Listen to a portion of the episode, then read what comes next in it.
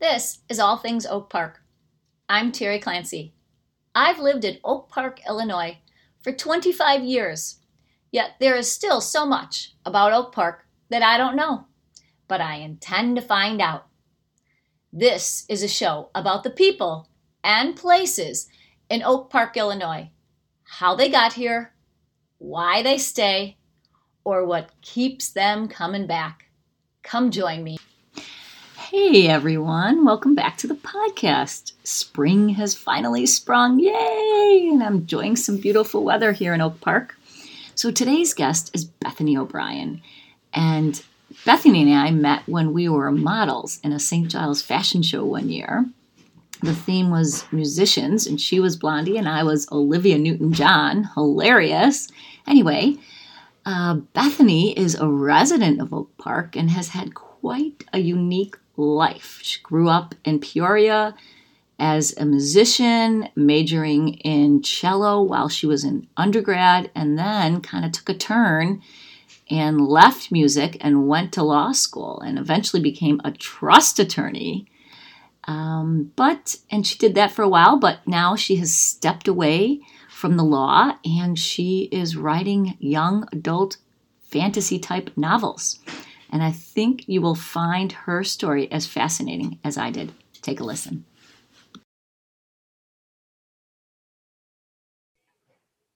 Hey, Bethany. Welcome Hi, to All Things Oak Park. Thanks. Um, so uh, I know that you've had a lot of varied life experiences, um, and right now you are in the throes of a very creative endeavor, which is really exciting. So we'll talk about that as well. But let's begin at the beginning. Can you um, talk a little bit about perhaps where you grew up and your childhood, and then we'll go from there. Sure. Yeah. Hi. Well, thanks for having me. It's exciting. I've never been on a podcast before. So, yeah. So I'm um, from Peoria. Um, it's about two and a half hours south. It's right kind of in the, the middle of Illinois. So, um, good sized little city. It was a good place to grow up. Um, I my family is very creative. My parents were both teachers, and they really encouraged us with writing and music and art and theater. So we growing up, me and my brother and my sister, we we were lucky to have a lot of experiences. I went to an arts um, magnet school growing up and had all these amazing um, choir experiences. We sang for presidents. We went to the White House. We were all these great experiences. Wait, wait, wait, wait. Let's back up yeah. a little bit on that. Okay, so first of all, we, I'm a big lover of hearing about people's birth order. Where are you and okay. the three of you? Yeah, so I have I have an older brother and a younger sister, so I'm right in the middle. Okay, and yeah. so you talked about singing for the choir and going to the White House. Yeah, so there was a choir that was very highly regarded. We trained every day. Um, and we would do these tours and and one of them included singing at an inauguration I, and i one included singing for president clinton um, in the white house and then one included going a european tour and singing at westminster abbey and the church of the madeleine in paris and um, so really kind of extraordinary musical experiences. Um, it was uh, you know very well regarded children's choir basically. Um, so yeah it was it was really i mean i didn't realize how cool it was at the time but now looking back it's like wow that was it was amazing and that was not typical you know? So how old were you during this time? Are you grade school still? Yeah that was grade school yeah. And then at the same time they that particular school was um, a magnet school and um, the focus was arts. And so there was theater and there was dance and there was um, you know music. And so that's where i started learning cello. Um, my parents had started us all at, on piano at very young five years old. And then um, in grade school um, i started playing the cello and just really loved it took off with it. Um, and that kind of started my life path as a musician and um, had some incredible experiences there played with some orchestras all through grade school, all through high school, and then decided when I was kind of late high school, you know, this is what I think I want to do for my career. And I was able to get some scholarships to some colleges, but I, I got a really good scholarship to Illinois Wesleyan, yeah, which again, small school, um, liberal arts school um, in uh, Bloomington, Illinois. And I was there doing music performance um, for my undergraduate degree. Okay, So- wait. Let me stop you. Why the cello? Like, did you even see anybody play? I don't think I've ever known anybody. Well, I know one person, one other person plays cello or did. How did you decide on the cello? I mean, everybody does flute or clarinet or something like that in grade school. I I didn't pick it. It was my my parents picked it. I think they did not. Um, so string, you could play a stringed instrument earlier, like third grade or second grade, before uh, you were able to play a, a woodwind or a brass instrument. And my parents thought those were too loud, so I think they thought violin was too squeaky. So they went ahead and said, "Here, do this cello thing," and that just really, it. I just took to it. You know, it it was just great. It was my thing. You know, from day one, it was kind of my thing. And how did you carry your cello around? I mean, how heavy is a cello?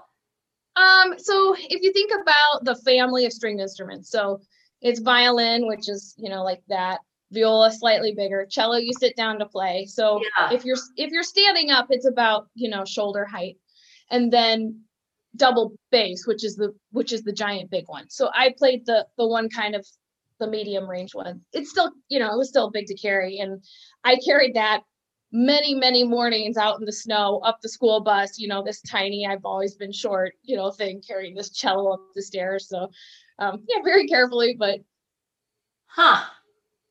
That's crazy. Yeah. So, Yeah.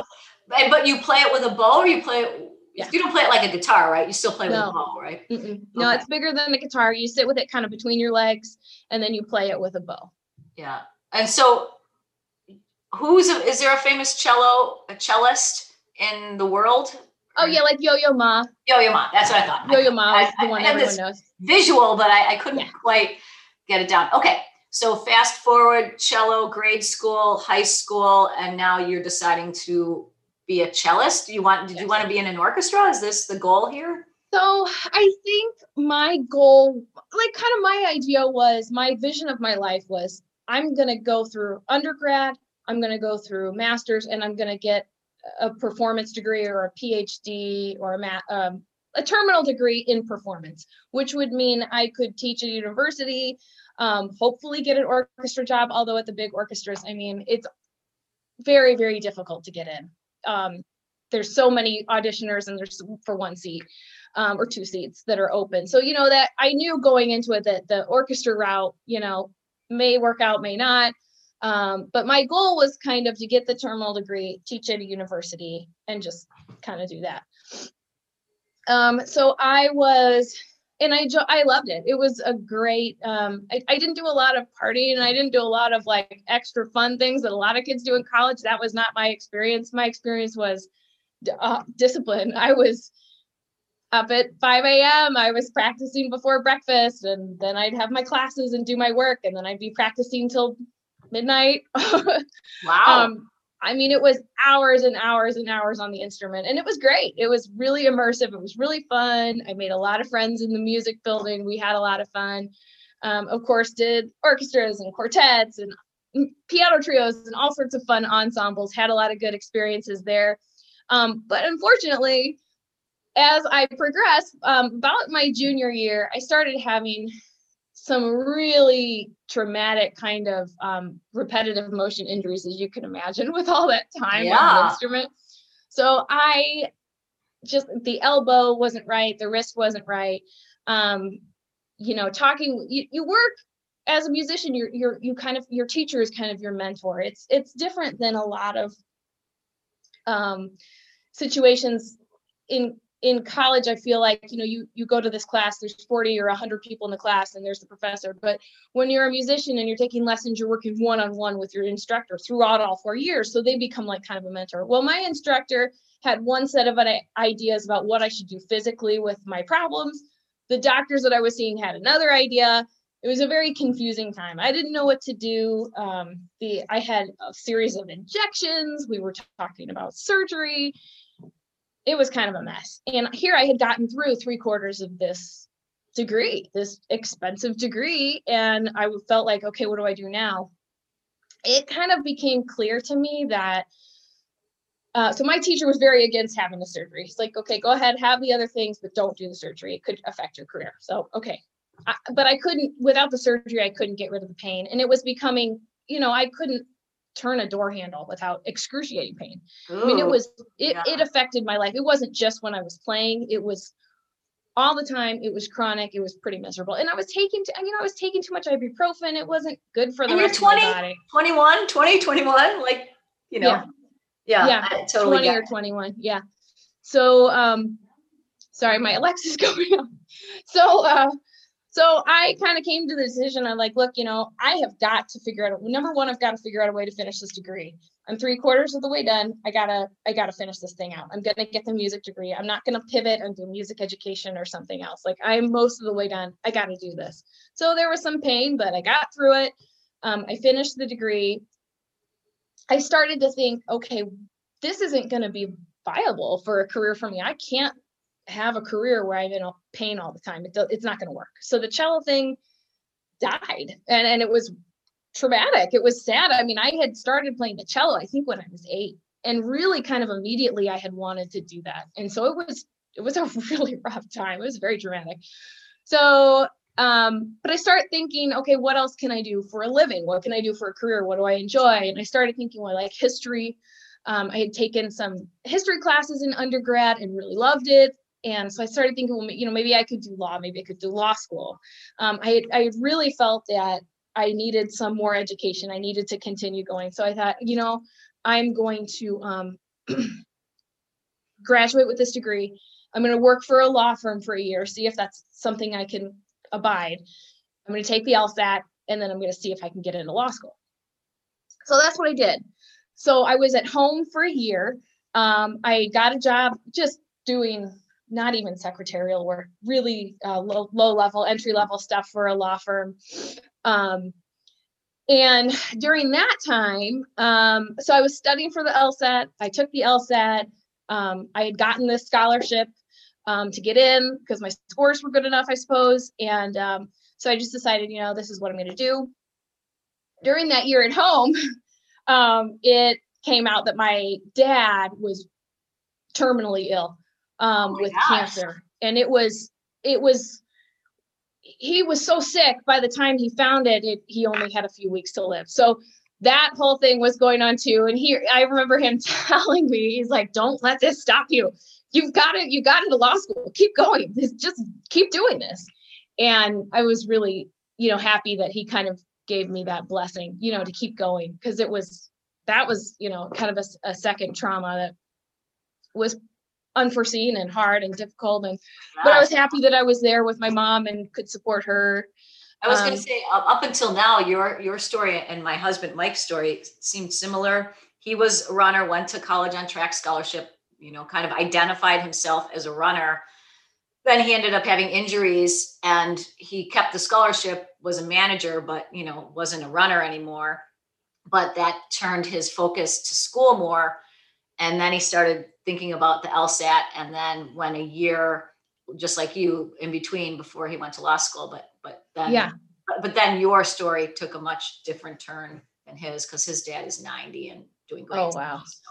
Oh, it's yeah, nice. but I'm sorry to hear that about your dad. That's yeah, you know, it was a surprise, a but it, um, you know, it just it was one of those things, and um, yeah, so kind of fought through that, and then um, got got into law school, got a scholarship, and um, where'd you go to law school? So I went to um, Chicago Kent. Okay. Um, well, this might be something you would want to hear. I don't know. We're on a podcast, so I guess I'll say it. So I had gotten involved um, to earn scholarship money. I had gotten involved in pageants. so I Any pageants? Yes. So I did some pageants. Oh, so so okay. So So the story, so I got involved in the Miss America system. This was not something I did as a child. It was something I did in college and beyond, really to earn scholarship money. Um, and because I could leverage the cello talent. as the talent portion, because yeah. it was like this, yeah. So it was kind of this no-brainer. I'd put on some lip gloss and a dress. I'd get my cello out. I'd throw something out there, and I'd get these scores. And so um, uh, I did pageants for three years. The, the the middle year I did, I think it was maybe 2001 or 2000 or 2001. Um, so I won Miss Chicago that year. Ooh, which was a, you know it's amazing. I look back on it, I'm like that's amazing. So um, so I competed for three years in Miss Illinois, had a lot of fun with that. But the the law school scholarship um, wasn't um, was from um, how well I did at the Miss Illinois scholarship. If that makes sense, there was an in kind scholarship. You had to get into the school, and then you could get the scholarship if you placed in the top five or ten or something. So, so that's how that's how the scholarship came about, which still is amazing. So, okay, so I go to I go I get into law school. I start law school. Um, I think I started law school. It must have been in 2002 at Chicago Kent downtown. So went from um, living in kind of small town Peoria, Bloomington all my life to living in Chicago, and so that was downtown. That was, you know, a total adventure. Um, and it was right. It was the year after 9/11, so you know things were crazy because my law school was really close to the Sears Tower, so there was a lot of um, interesting stuff going on there. Um, so yeah, so I was at law school, and you know that was I feel like it was a pretty typical law school experience while I was there. You know, it was it was very difficult. I'm not gonna lie, it was very hard. Um, I feel like I grew a lot. I pushed myself really as far as I could go, especially with classes that I hated, like personal income taxation. I was I just wanted to, it was terrible. But I got through it, got the degree. Um, and so then um, my husband and I had gotten married by then, my husband Dan. Oh, wait, wait. So let's, oh, let's yeah. back up a little bit. One, let's back up. Did you know that a Miss America graduated from Oak Park, Illinois? Oh, yeah. Uh, I don't, she was 1991, maybe. Yeah. Yeah. Was her name Marjorie? No. Marjorie. Yeah. Marjorie. Okay. Yeah. Yeah. I did know that. Yeah. Yeah. Uh, anyway, kind of fun that we have some beauty pageant. You know, she doesn't live here anymore. Oh, Florida. Yeah, for sure. Yeah. No, um, Oak Park has a lot of famous people that are from here. Yeah, it's really fun getting going to the historical society. Uh, you know, everyone should oh, yeah. visit that place a couple times a year. Um, yeah. Um, anyway, but okay, so how did you meet your husband? So we we met at undergrad. Oh, okay. Uh, at Illinois Wesleyan, friends of friends of friends. Um, you know. So, and he was not a music major. No, he was pre med. He was he was. It was funny because I was practicing a lot. He was studying a lot. Um, but yeah, no, he was he was great. We met friends of friends and kind of hit it off. I think we probably dated my last year of undergrad and his second his uh, junior and senior year of undergrad, and then we probably got married when we I was 24. He's um, maybe 23 when we got married. So we got married pretty young, but um, you know, I was in law school, he was in med school. Um, and so we had kind of this very simple life where we both kind of just had our downtime and studied and it was nice. It was really nice. Um, he went to so med school in Chicago. He went to um, it was university. So University of Illinois it starts off one year i believe i don't know if it's still like this but when we were in um, one year in champaign the first year of medical school and then there's four or five different campuses throughout illinois oh, yeah, yeah. and so the campus he was at was rockford so we lived in harvard which was the last stop on the northwest line and he would drive west and i would get on the train and ride the train east to the city so oh okay okay yeah. so you got married after law school. And where, where did you work after law after you graduated? So after I graduated, so we pretty much right after we graduated, we had wanted to move back closer to Central Illinois to family, and Dan um, got his residency placement um, in Peoria at, at OSF, um, uh, doing um, his uh, medical program, and so we um, we moved there. And I was so I was looking for work, and I kind of thought maybe family law, but I wasn't sure. Um, but I was just kind of so I was putting out feelers to all the contacts I had down there, and I heard back from uh, a gentleman who had been in the trust and estate um, settlement business for a bank, so working as a corporate fiduciary. Um, and he got back to me. He's like, look, Bethany, I, I need someone else with a law degree down here. Um, can can you come on board? And you know, I was like, I don't know, Rich, I don't know if this is what I want to do. He's like, just give it two weeks, come on board, see what you think. So kind of the difference is broadly speaking is instead of like drafting trusts and estates for clients i would be kind of on the managing side once the estate and trust was was operational if there was a corporate trustee involved. So I thought, well, I did like a, a trusted estates. That's what, what my favorite part of law. So let's give this a try and see how it goes. Um, and he Trusted was right. Estates is your favorite? Really? I'm sorry. Trusted Estates was your favorite part? I know it's the only it's it was the only class I really did well in in law school. Oh gosh, yeah, I don't even remember. I mean, it starts out anyway. Yeah, I, I my favorite was constitutional law. And Oh, all right. um, Okay. So look where we are, so different. Okay, so then you uh do you go and work for him then? Yeah. So I I was like, you know what? It can't hurt. I don't have anything else right now. So I started working for a small little bank in Peoria called Southside Bank, which is I don't think it's even there anymore. I think it got sold. Um, and they had a medium-sized trust department. Um, and so I worked there. That's kind of where I cut my teeth and learned the business. And it's funny now because you know I I went thinking, oh, okay, I'll stay however long. I'll stay a year. I'll stay even shorter than that if I don't like it and go into a different area of law. But you know, I liked it. It was a it was a it was it was fun. I really liked being able to get um familiar more familiar with the clients and learn about trusts and estates and you know it's it's inter- it was interesting. Every day was different, which I really liked. Um I, I just I liked it. I didn't have to go to court too much, which that always kind of made me nervous. I wasn't a good person in lit- a litigious situation. So um yeah, so I was there and then um yeah, loved it. So what is so um uh, and, and I don't want to get too much in the weeds because I'm sure nobody else really cares much more about this except for somebody who does day planning like myself. But um how does a, a trustee differ from a financial planner? Because you're are you you're not exactly investing the assets that are in the trust, or are you? So yeah, so usually I've worked for banks at, at when the bank is a corporate trustee, uh, sorry, corporate trustee, usually there is in, somebody in-house who is the whole kind of investment team. If it's a smaller bank, maybe it's just one person.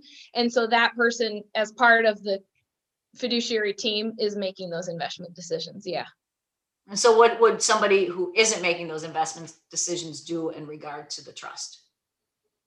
So what were you doing essentially?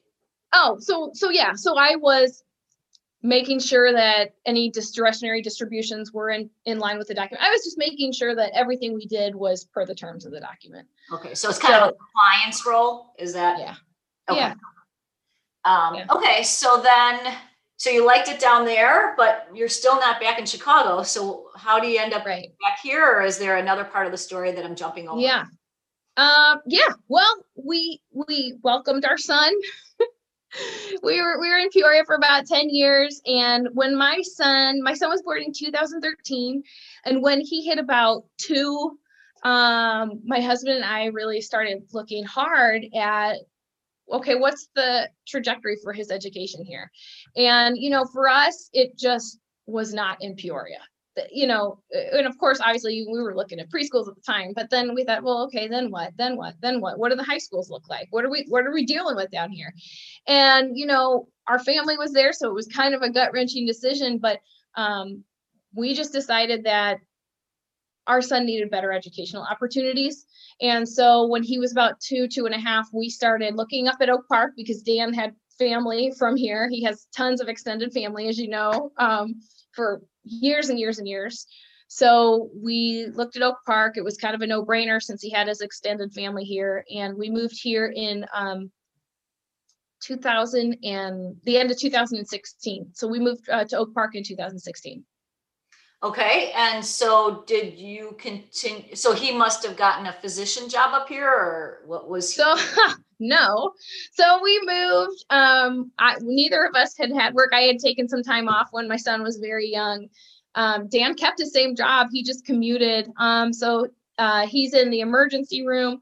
So his work is shift work. So it's not like a nine to five. So he might work a Monday and then he might work a Thursday and then he might work a Tuesday. Um, so his schedule is uh, more spread out, if that makes sense. And so he would drive down. Um, and so I think he did that for maybe six months and then kind of found work up here that was closer. Okay, and so, and then what did you do? You just stay home with your son or did you end up starting to go to work? Yeah, so I stayed home for a not too terribly long. I think it was um, maybe six months, eight months in. I was like, I think I need to do something. Not that staying home with my son wasn't great. It was. I loved it. I would never give that time back. Um, but also, I was definitely, I was not used to the taxes in Oak Park, which are on the high side, as you know.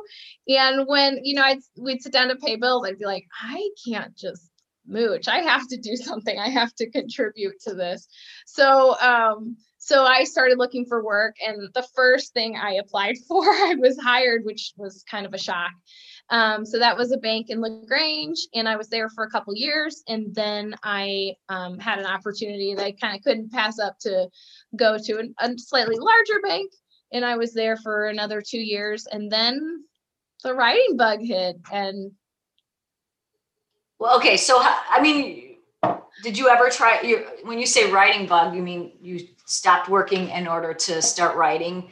Uh, so, yeah. So no, I just wrote in my free time a little bit. Um, when my after my son had fallen to sleep, before he got up in the morning, over my lunch break, things like that, I would just start. I just had this idea and I was like, I'm just gonna, you know, just jot down a few lines. And it turned out that in 2019 and 2020, I wrote, I mean, I wrote it like I don't know how many words it was. It was about 200 pages, though, however that breaks up of a book.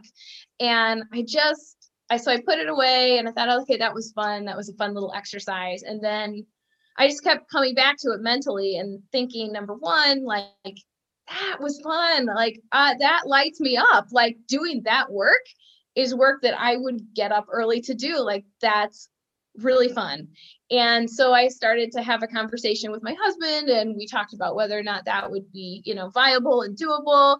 And he was super supportive and he's like, you know, I think you should give it 2 years.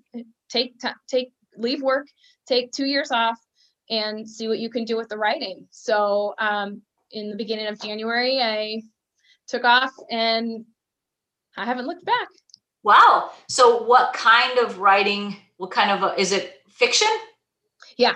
So it's fiction. And so again, like I said, I'm baby stepping, I'm learning about this industry right now. I know very little about it, but what I do know is like you kind of have to have your writing, your work has to be kind of in a in a category that a publisher can sell, right? And so talking to other authors, um, including Amanda Bailey, who is on your show. Yeah. Um, from Daily novels down. yeah.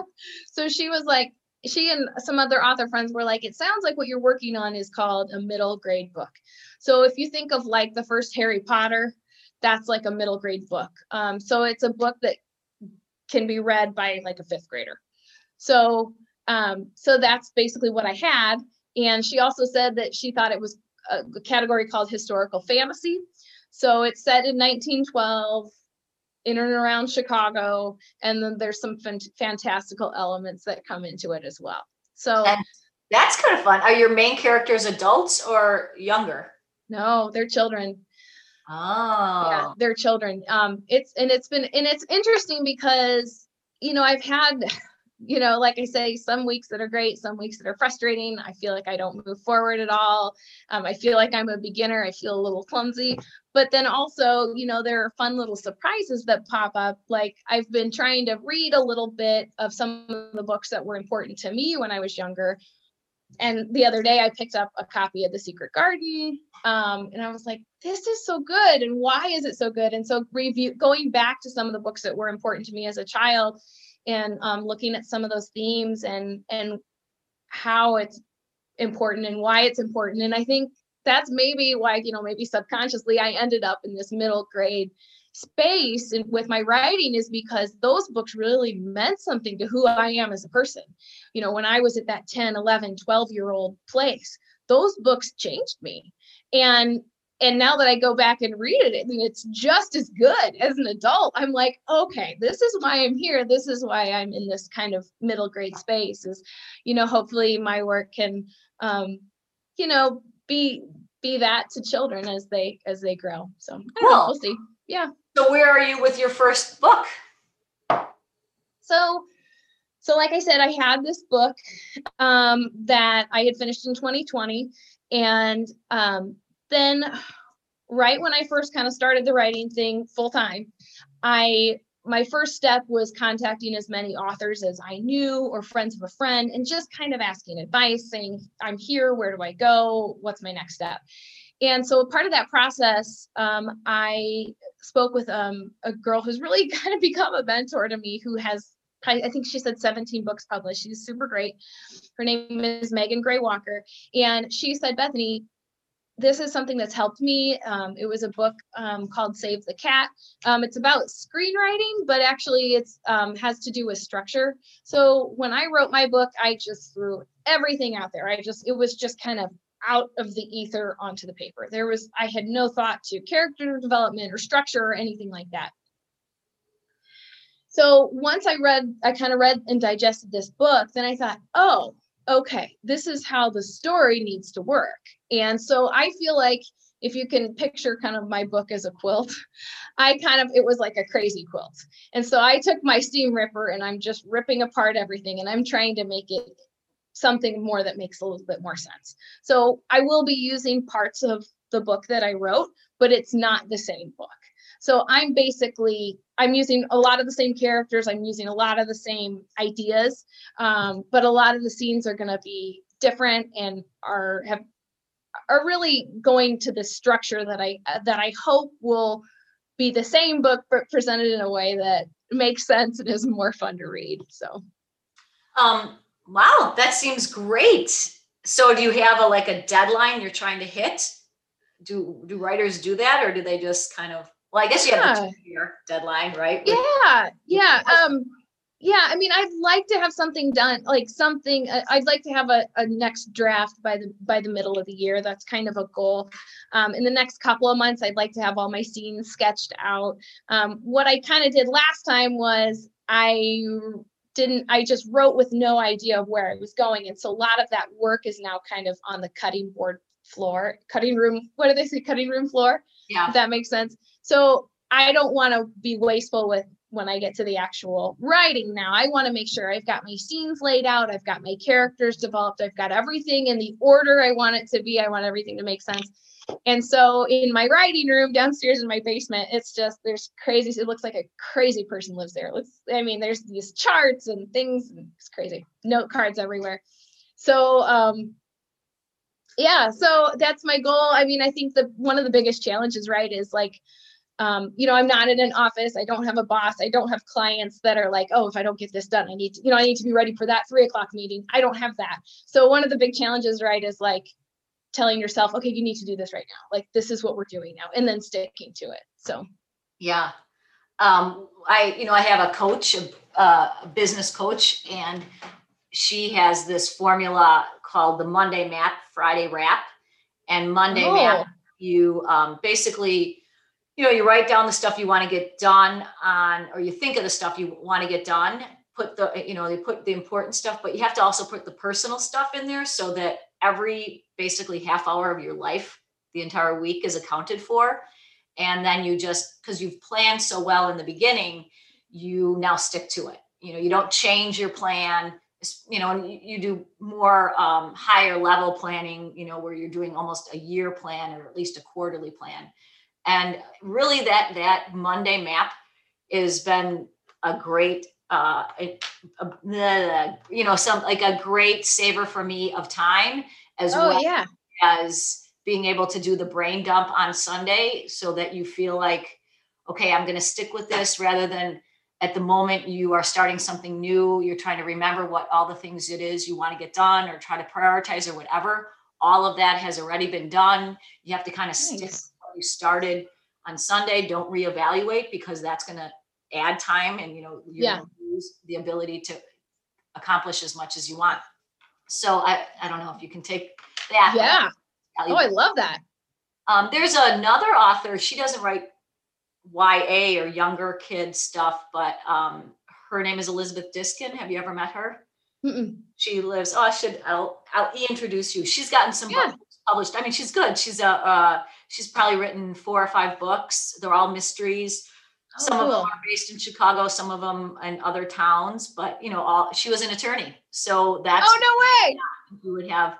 Yeah, she's and she's you know a very dynamic, interesting person. So um, I'll cool. introduce you. I, I know she's super busy, so I'm not quite oh, sure. Yeah time she has to give, but I'm sure she would connect a little bit.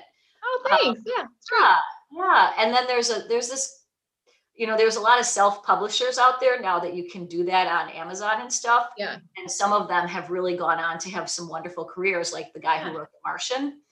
And oh, so, really? Yeah. I don't know if you know, there's a whole group of people, and it's called um, 50 books, no, 20 books to 50K, something like that. I'll, I'll send you the links. Oh, but, um, yeah, that'd be great. they have a huge conference in, well, they typically have it in Vegas once a year and it's all these independent you know uh, kind of gd you know gdi kind of attitudes about i can you know publish my book. I don't need to have these big warehouse or these big publishers sanction you know me and agree that my work is yeah right.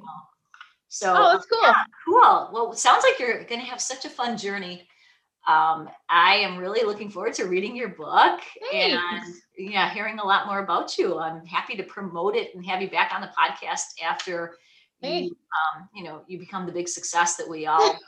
yeah. Um, well, great. Well, it's been so nice talking to you, Bethany. Yeah. Um, I really can't thank you enough for coming on the podcast. And we usually end the podcast with three, and I, I think I'm putting you on the spot here because I didn't tell you about this, but three Oak Park recommendations. Yes. Um, yeah, you're not putting me on the spot. You told me about it, and I oh, good, good. So I'm gonna re- I'm gonna read what I got. Okay. Um, so that's what's it's hard though, right? Because there's so many great places. Right. I love Sugar Fixe Patisserie on Marion Street for just cakes. They do custom, so bakery stuff, but it's ridiculously delicious. Um, I like um, Lively Boutique on Oak Park Avenue for like workout gear and stuff like that. They have like backpacks, running stuff, just really great. Um, like like yeah, exercise cool. apparel. Yeah, they have like some clubs out of there too. They had a running club. Do they? Yeah. yeah. Oh, cool. Um, I like 16 suitcases on Marion. It's another boutique, but it's just beautifully curated. And every time I go in there, they're just so friendly. And it's like I want to buy everything. It's gorgeous. Um, local restaurants, Hemingway's Bistro, one of my favorites. I think we've been there yeah, before. I love Hemingway's, yeah. So good. Um, I like Maya del Sol. And there's a little diner on Oak Park Avenue called George's that I love for breakfast. So we walk there because it's really close. And if you're ever in Oak Park for your your listeners or watchers or whatever this is, um, t- check out the sacred architecture in Oak Park. So like St. Giles Church, where we go, and then also St. Edmund's Church. The stained glass windows, they're beautiful. They're yeah, they really something are. you'd see in Europe. You know, I mean, it's and then it's right here. So yeah, a lot of guests have talked about just walking around Oak Park and just kind of looking at everything. So um, yeah. I agree with that as well. Yeah, I mean, I like all your suggestions. I I actually I you know do a video series, although I have to kind of bone up and do a, a few more. But my last one of where is Terry Clancy, where in Oak Park is Terry? Oh Clancy, yeah, I had George's. The location was just a couple blocks away from George's. So oh yeah, the restaurant was a quick feature. It was a quick cameo. Oh yeah, George is the best for breakfast. Yeah, it really is. Although there's a new place opening up, I just read about on North Avenue in River Forest where Grandma Sally's used to be. I forget what the oh. name is, but check it out. Yeah. Yeah. So it's going to give, well, probably not going to give too much competition since they're really not even in the same neighborhood. Yeah. Um, but all right, well, Bethany, uh, thank you so much. I look forward to watching you climb the bestseller ladder. and, uh, uh, you know, all good luck to you. Thanks, Terry. Thanks for having me. Bye. Well, thanks so much for listening to another episode of All Things Oak Park. And if you want to get in touch with me, hop on over to my website, Teresa Clancy Law, and you can find all my contact information over there. See ya.